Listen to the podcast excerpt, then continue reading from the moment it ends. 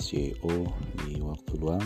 Apa kabar semuanya, Bapak Ibu, teman-teman, saudara-saudara, para eksekutif, para manajer, para GM, para director, para CEO. Mungkin sudah agak lama sejak terakhir saya men-share tentang beberapa kisah manajemen di masa-masa COVID-19 ini ya teman-teman eh, memang beberapa waktu ini secara pribadi kita semua saya yakin juga pasti sama kita sedang terjebak di Indonesia uh, berada pada satu posisi yang uh, sangat kontras begitu. Kita harus bekerja dari rumah, kita harus work from home, sementara kita punya tim, kita punya uh, karyawan di kantor yang kita harus kendalikan. Sementara posisi kita tidak bisa langsung berada di kantor. Uh, saat ini saya juga sebenarnya dalam posisi yang sangat uh, kurang nyaman karena harus meninggalkan karyawan dua perusahaan yang saya pimpin. Pada saat ini setidaknya saya dalam kondisi normal tidak kurang dari 300-400 orang karyawan di dua perusahaan tersebut yang harus saya kelola. Tetapi kondisi tidak memungkinkan saya untuk berada bersama mereka. Di malam ini saya ingin berbagi kisah tentang sebenarnya kiat-kiat apa ya yang seharusnya kita bisa lakukan dalam posisi uh, ya di kondisi yang tidak normal seperti inilah. Uh, sebaiknya apa ya standar berpikir seperti apa yang bisa kita lakukan bisa kita jadikan pegangan untuk bisa melangkah di perusahaan kita. Saya mungkin tidak akan mengambil bahasan dari um, gaya manajemen secara umum karena saya yakin Bapak Ibu yang mendengarkan podcast ini tentu saja punya metodologi, punya cara sendiri dalam mengendalikan perusahaannya. Saya ingin berbagi uh, dengan satu pola pikir yang banyak dikembangkan di perusahaan-perusahaan berbasis sistem manajemen mutu.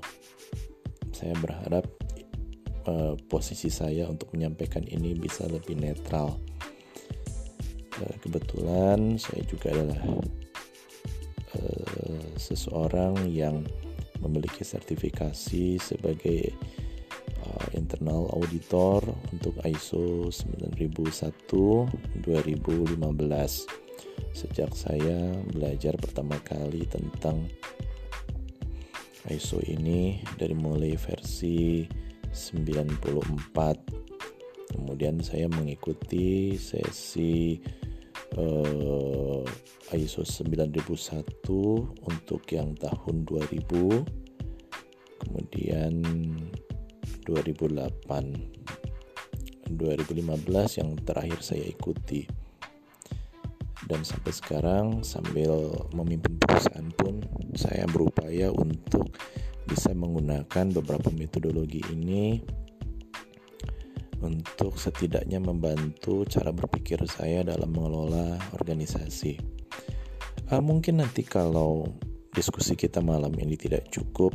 Waktunya, saya akan bagi diskusi ini, uh, kisah ini dalam beberapa sesi, teman-teman, karena uh, seperti uh, Bapak Ibu mungkin juga sering dengarkan sesi saya, saya usahakan kalaulah bisa begitu ya tidak lebih dari 15 menit. Nanti mungkin saya akan coba berbagi dalam beberapa sesi. Baik saya ingin bercerita sedikit tentang sistem manajemen mutu. Kalau di dalam organisasi yang mempelajari uh, ISO 9001 dalam versi Inggrisnya mungkin mereka mengenal dengan istilah quality management system. Apa sih sebenarnya quality management system? Saya sebenarnya tidak mau membahas nanti tentang sertifikasinya karena sebenarnya kalau mau belajar manajemen ya silahkan dengan uh, cara apa pun dengan pola berpikir apa pun. Bapak Ibu bisa mengikuti seminar-seminar bisnis di mana pun.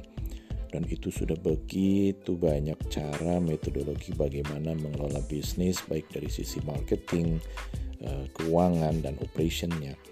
Jadi saya tidak akan masuk ke ranah yang itu, saya akan lebih banyak bicara tentang bagaimana eh, organisasi yang tersertifikasi Quality Management System eh, membuat satu metodologi cara berpikir tentang pengelolaan perusahaan sehingga eh, secara umum kita punya panduan cara berpikir tidak hanya dari sisi pemasarannya saja, sisi keuangannya saja, atau sisi operationnya saja.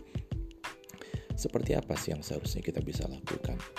Baik, yang pertama saya akan bercerita tentang dokumen mutu.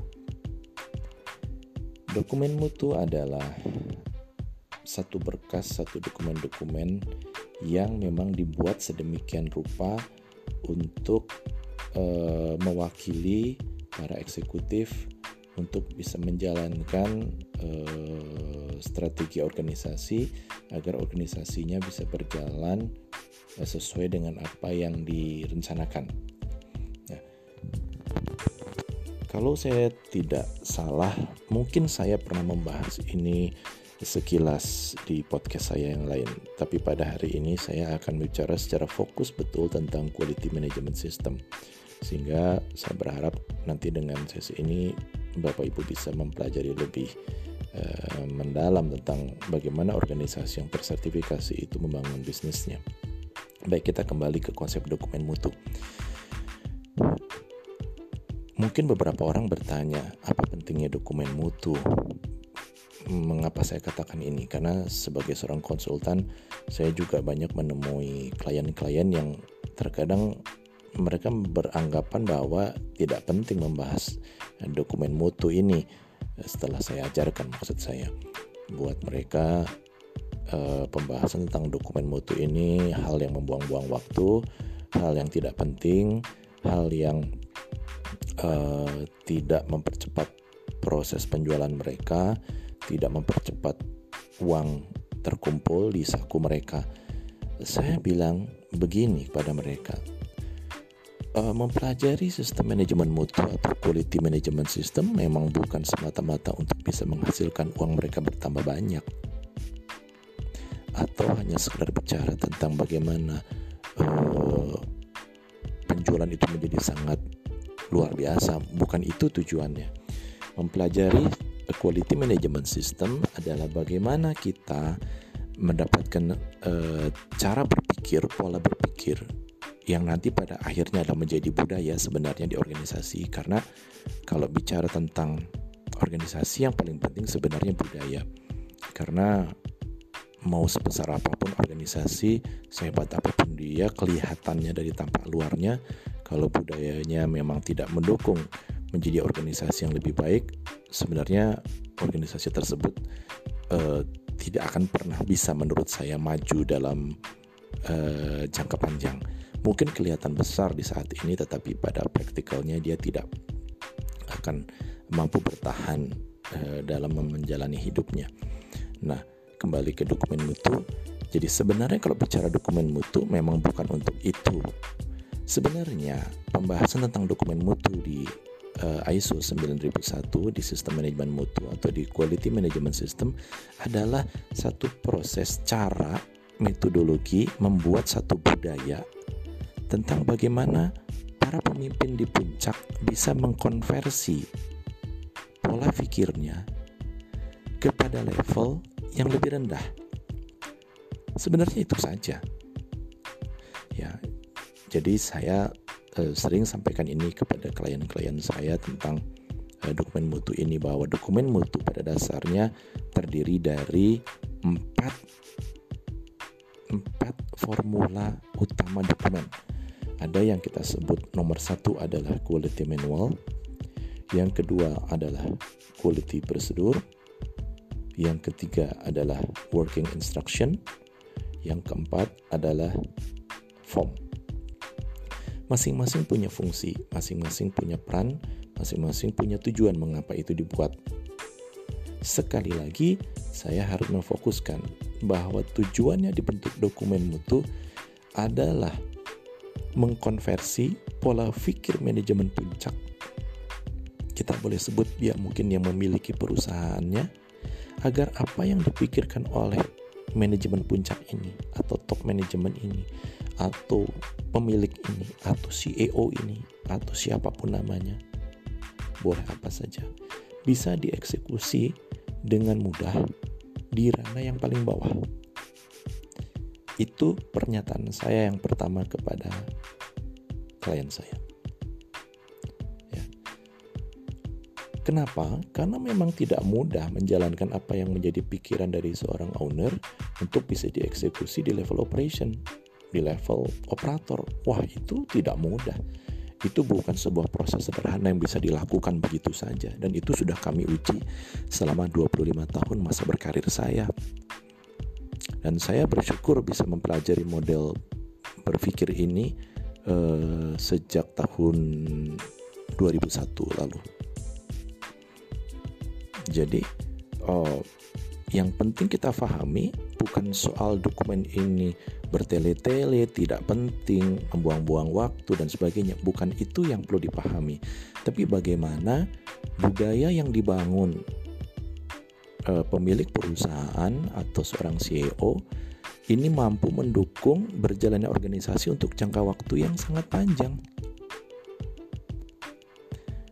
Coba kita bayangkan, apakah seorang owner itu bisa berada di tempat terus-menerus? Saya nggak yakin ya. Saya nggak yakin. Jangankan seorang owner, kalau Anda yang mendengarkan podcast ini mungkin dalam tanda kutip jabatannya seorang general manager saja, saya yakin Anda tidak hanya nguprak di dalam kantor untuk ngurusin bisnis, pasti Anda harus pergi sesekali, baik untuk urusan-urusan dinas luar kota, dinas luar negeri, mengikuti seminar-seminar yang satu minggu, mengikuti berbagai program, melakukan acara-acara uh, informal meeting di berbagai organisasi lain, undangan-undangan dari perusahaan-perusahaan lain. Bagaimana Anda bisa mengawasi uh, terus-menerus tim Anda uh, dan itu dan itu kita harus yakin tidak mungkin kita lakukan. Nah, quality management system atau sistem manajemen mutu dengan dokumen mutunya adalah satu proses, satu pola berpikir, satu hmm, cara membuat sebuah budaya baru tentang bagaimana mereka mengelola perusahaan. Itu saja sebenarnya.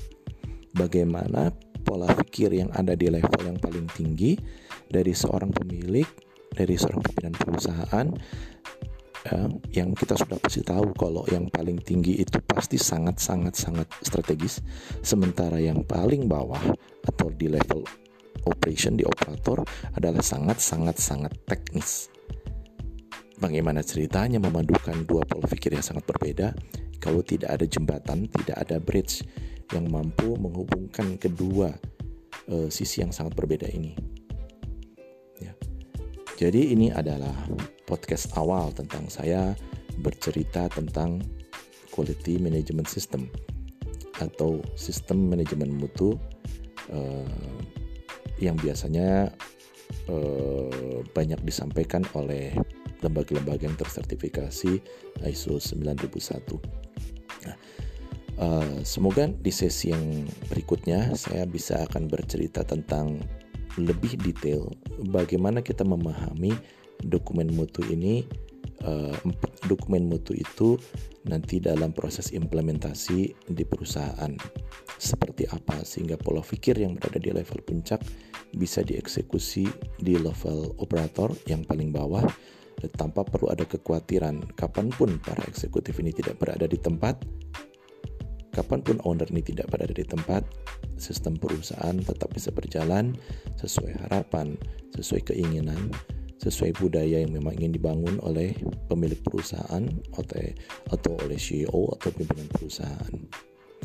Mungkin itu dulu yang ingin saya sampaikan di waktu luang kali ini. Di sesi yang akan datang, saya akan berbagi kisah ini, melanjutkan sesi ini tentang uh, empat dokumen tersebut dalam bentuk contoh dan implementasi bagaimana menjalankannya di perusahaan. Demikian sahabat-sahabat para eksekutif, para CEO, para director, para general manager, para manager dan apa pun Anda yang mendengarkan podcast ini. Semoga sesi awal ini bermanfaat, semoga sesi awal ini bisa menjadi inspirasi bagi Anda. Semoga Anda bersemangat untuk mendengarkan sesi berikutnya. Sampai jumpa di sesi berbagi kisah CEO di waktu luang berikutnya. Sampai jumpa.